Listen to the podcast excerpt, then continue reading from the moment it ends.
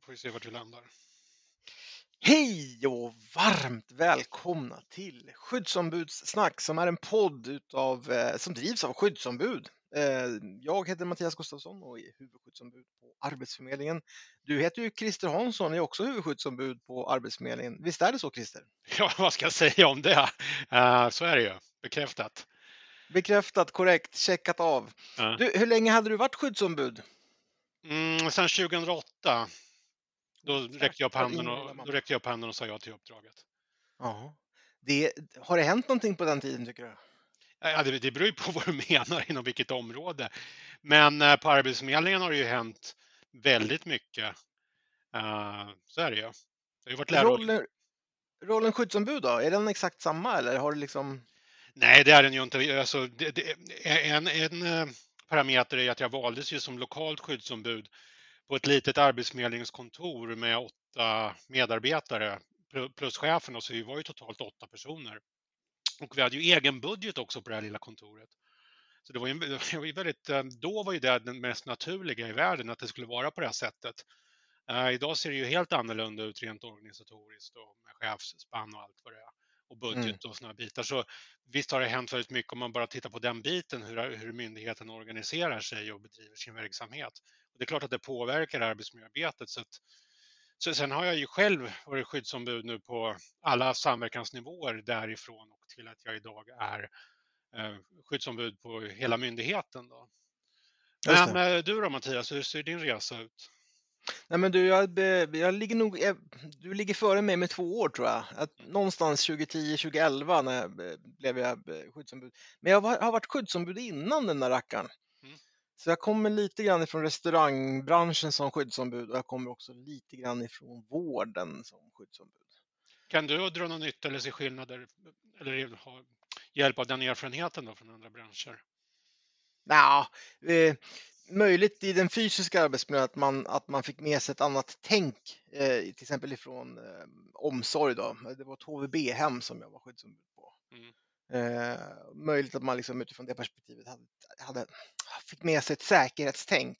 Mm. Men, det, men det tänket tror jag jag delar med alla skyddsombud på Arbetsförmedlingen också som har någon typ av extern kontakt som man behöver ha tänk kring hur vi hanterar. Så jag tror inte det, utan jag, jag tror mer att desto mer liksom man, man själv växer i sitt arbetsliv, desto mer utvecklas också rollen tror jag som skyddsombud. Det är lite där jag tänker skyddsombudsrollen grundar sig. Det finns ju en lag som säger att vi ska ha skyddsombud, men det är ju ingen kompetenslista som man tar med sig in i så att säga för att få bli skyddsombud, utan det är ett förtroende man får och jag tror att det, det hänger mycket, väldigt mycket på liksom sina erfarenheter från arbetslivet, hur man tillämpar det i sin roll som skyddsombud. Mm. Jag är med i en Facebookgrupp Eh, som, som samlar och enar skyddsombud från alla branscher.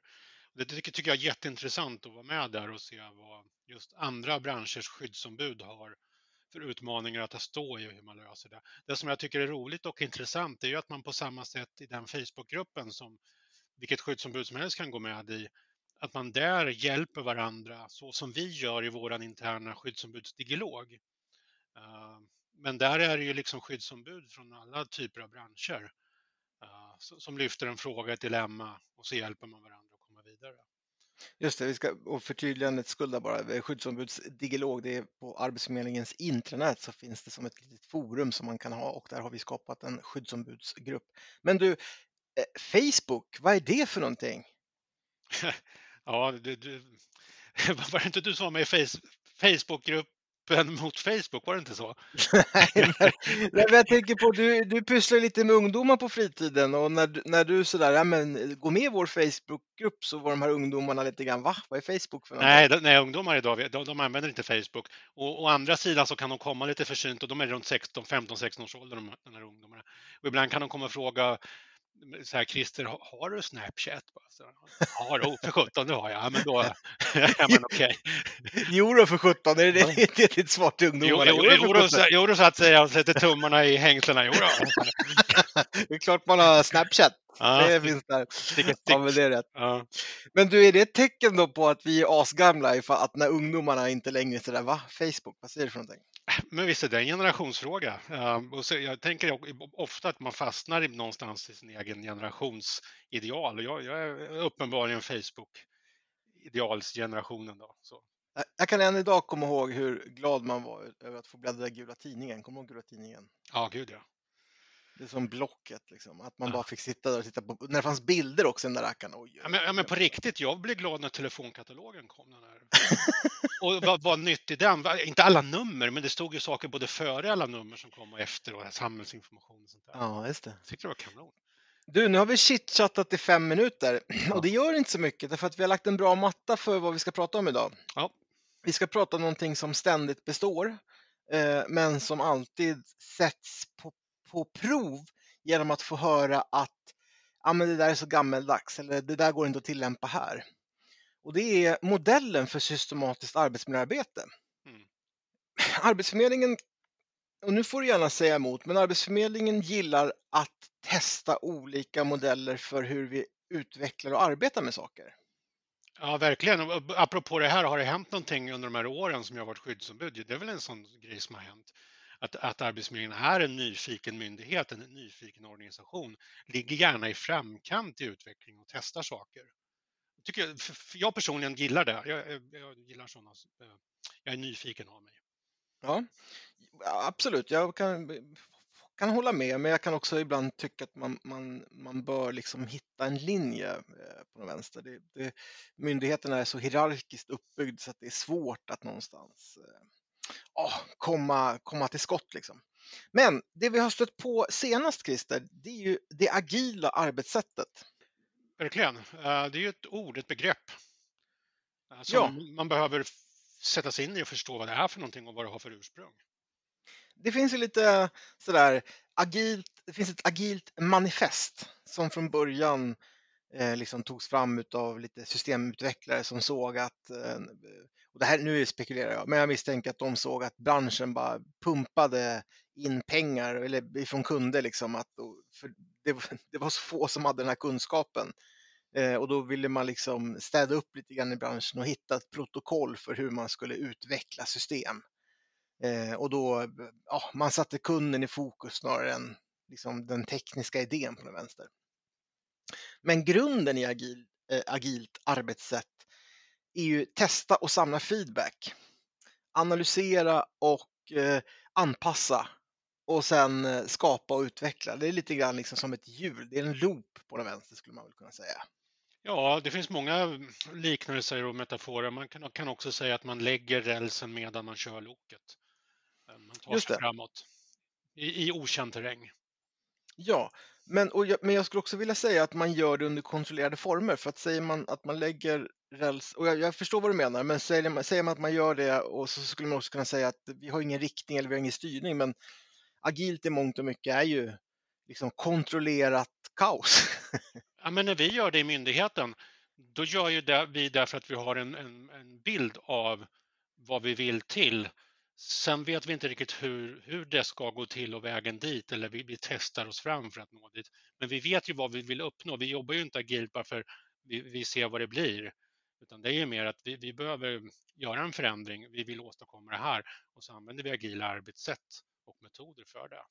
Just det. Ja, men verkligen, och det, och det blir lite grann det här, eh, alltså, ja, agilt system eller arbetssätt skulle också kunna vara kundorienterat, att det drivs av en inre motivation, eh, att det krävs ett förtroende snarare än en granskning eh, och att man behöver ha en snabb anpassning än en noggrannare planering. Så det är lite grann att agilt försöker väl distansera sig från någonting fyrkantigt skulle jag misstänka. Eh, att jag skulle kunna, om jag ska plocka ihop bitarna liksom, så skulle jag nog kunna säga så. Men du, om vi sätter det i relation då till det systematiska arbetsmiljöarbetet det, för det första så är ju systematiskt arbetsmiljöarbete också loopbaserat. Mm. Så att allt vi gör i det systematiska arbetsmiljöarbetet ska liksom, när man har kommit till vägs ände, då ska man fortsätta. Det är den här samsnurran som man brukar åskådliggöra där med, när loopen, det pågår hela tiden. En ständig process. Men du, om jag skulle säga så här då att Arbetsmiljölagstiftningen är skriven i en annan tid då industrin stod eh, och stampade och ville framåt och väldigt många allvarliga olyckor skedde. och så såg man att så här kan det inte fortsätta så vi måste reglera det här. Eh, kan, och, och, så tänker vi oss då agilt eh, arbetssätt som något väldigt modernt. Passar de här ihop då på riktigt? Ja men Tycker verkligen. Ja, alltså, jag, jag har ju jobbat med min egen krock, alltså agilt arbetssätt versus arbetsmiljöarbete.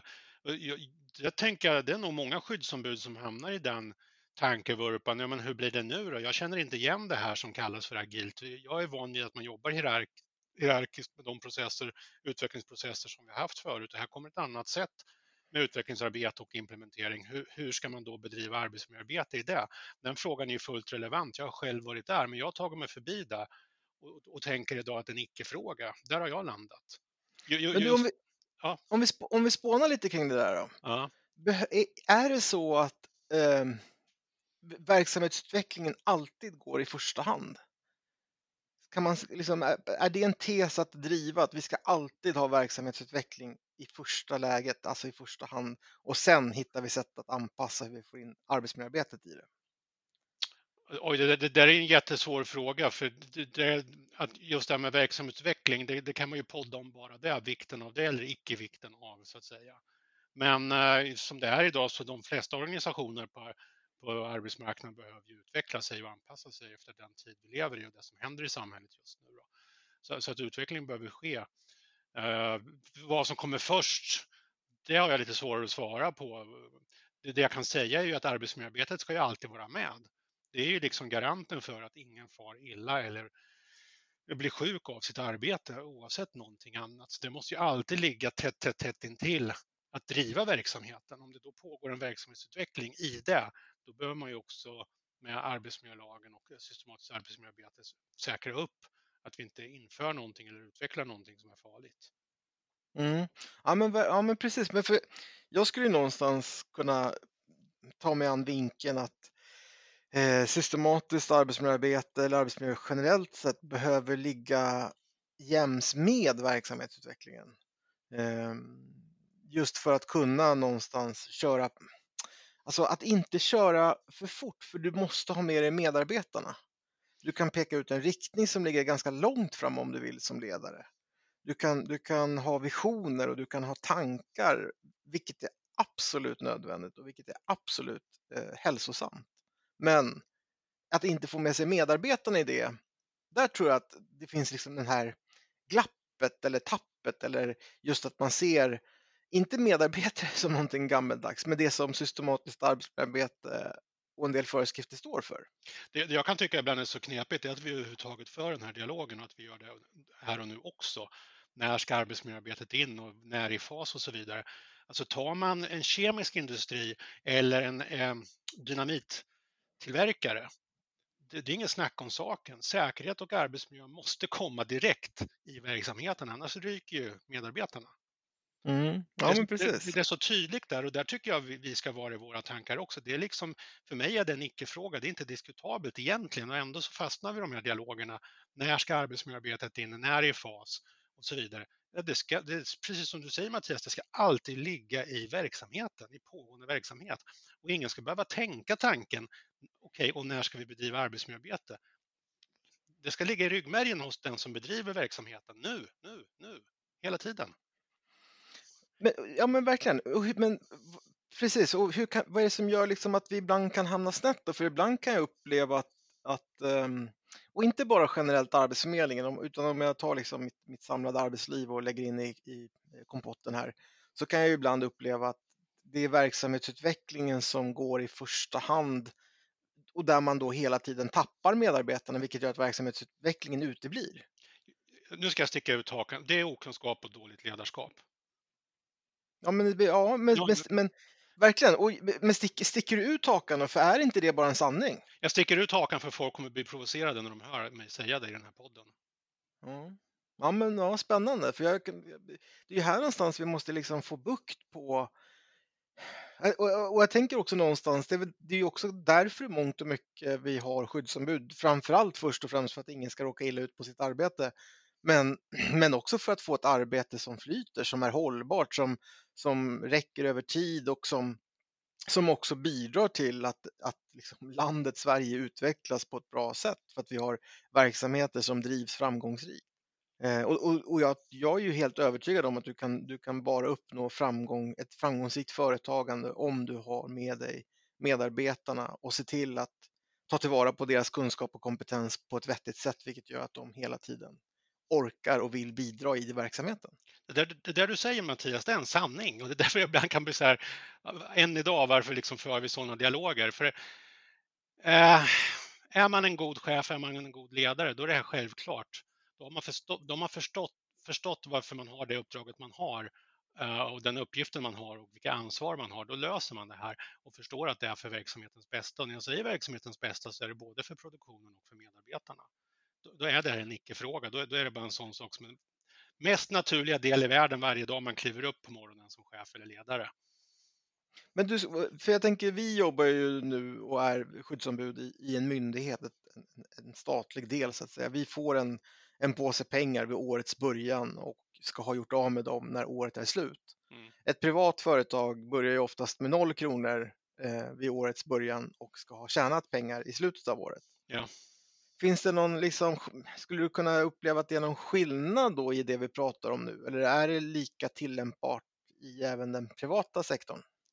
Det, det är en skillnad att driva verksamhet, att, att börja med att lägga en plan för hur man ska förbruka pengarna och få, få effekt på de pengarna man har fått att förvalta. Det, det, är klart att det är en skillnad på det och att börja med, i och för sig har man väl ofta ett litet eget kapital men det ska förökas i bästa fall när året är slut. Eh, drivkrafter och hur man lägger upp arbetet och sånt men det, jag, jag, kan inte se att det spelar någon roll för arbetsmiljöarbetets skull. Nej, ja, just det. Så där, där, där finns det det är fortfarande lika, en lika viktig tillgång för att kunna komma någonstans med sitt arbete, att ha med medarbetare som mår bra. Liksom. Ja, men framförallt inom tjänstesektorn, för där, alltså, en organisation inom tjänstesektorn har inga andra verktyg uh, än sina medarbetare. Det, det, det, det här jag liksom ibland kan bli lite frustrerad på när man inte förstår det i en organisation. Att kommer inte medarbetarna till jobbet, då blir det ingen produktion. Det, det är så enkelt att tänka så. Men, så då, då, precis, och då kan man likställa människan med en såg eller människan med en hammare. Att har vi inga hammare, då kan vi inte slå in och spikar. Eh, och vi, vi har ju också, för det som jag också kan någonstans tycka är så fascinerande är att vi betalar dyra pengar för att få dit människor och deras kunskap och kompetens. Men mm. hur vi i ett system eller organisatoriskt sätt använder dem, det är ibland är oviktigt för oss. Vi bara förväntar oss att de ska leverera. Men det är ju här vi måste få med då liksom perspektiven att verkligen justera så att säga om en människa är ett kugghjul, justera det precis så att det ligger alldeles i, i linje med alla andra kugghjul som ska snurra och kommer med lite olja, det vill säga gott ledarskap som får den här människan att, att utvecklas och blomstra upp och bli ännu bättre.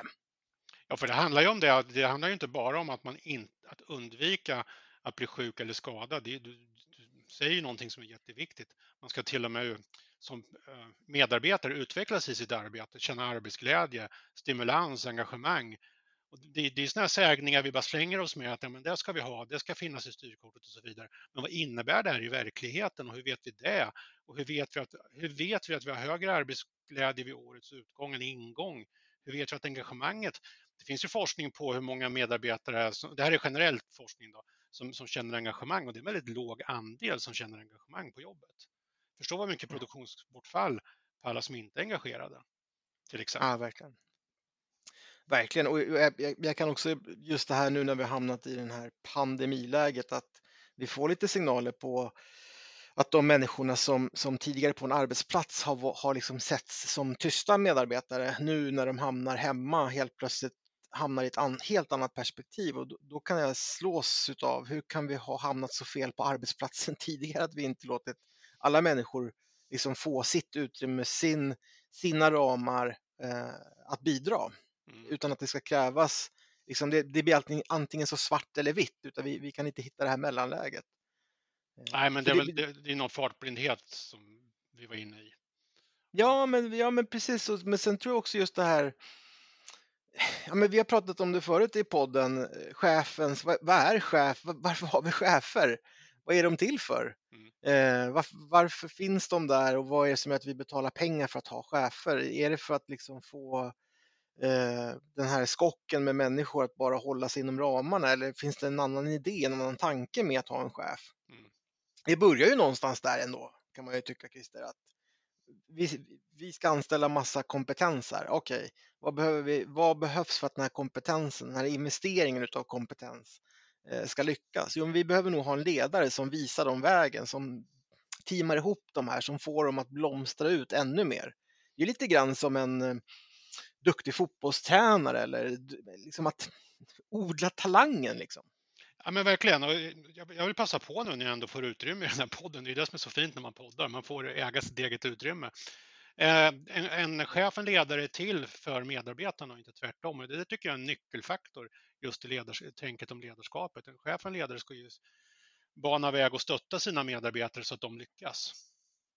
Ja, spännande. Ja, men, eh, jättespännande. Därför att det vi också ser och hör är ju lite grann att chefer på Arbetsförmedlingen, då, det är ju där vi kan uttala oss om, eh, önskar att de har sin personal på plats. Men så vet vi att majoriteten av den här personalen mår väldigt bra av att just nu få vara hemma. Eh, vi ser att man ökar produktionen, vi ser att eh, man, man upplever en annan arbetsglädje, även om det är en väldigt hög arbetsbelastning. Det ska vi generellt sett inte sticka under stolen med. Men, men de positiva signalerna överväger de negativa med att vara hemma. Då behöver ju chefen springa ikapp medarbetarna och förstå hur ska jag nu tillämpa mitt ledarskap när de inte längre finns i den här liksom, historiska kontorsplatsen. Mm. För det är ju lite grann passé att tänka att vi, är, att vi, att vi ska vara på en arbetsplats mellan 8 och halv fem på den vänster. Ja, men det är lätt att sitta på avbytarbänken, men nu sätter jag mig på avbytarbänken och så säger jag så här, om jag vore chef idag, sektionschef, för 15-20 medarbetare. Då skulle jag tänka så här, okej, okay, de är hemma och jobbar nu. Vad kan, vad, det, vad, kan, vad kan jag göra för att optimera den här situationen? Jag märker att de mår bra att jobba hemma. Jag märker att de eh, producerar bra. Mitt uppdrag är att ge dem, ge dem de allra bästa förutsättningarna i den situationen att lyckas. Det är mitt uppdrag ja, men, som chef. Ja, och, och tänk då om alla chefer skulle kunna mm, ta sig an det perspektivet. Skulle vi få ännu mer produktion då, tror du? Ja, ja, absolut, det är jag övertygad om att vi skulle få. Och varför skulle vi få ännu mer produktion?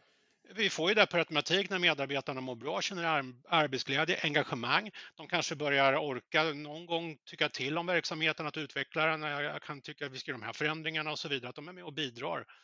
Än, ännu mer än vad de gör idag, för det gör de idag. Vi har ju otroligt engagerade och duktiga medarbetare, det ska vi inte sticka under stol med.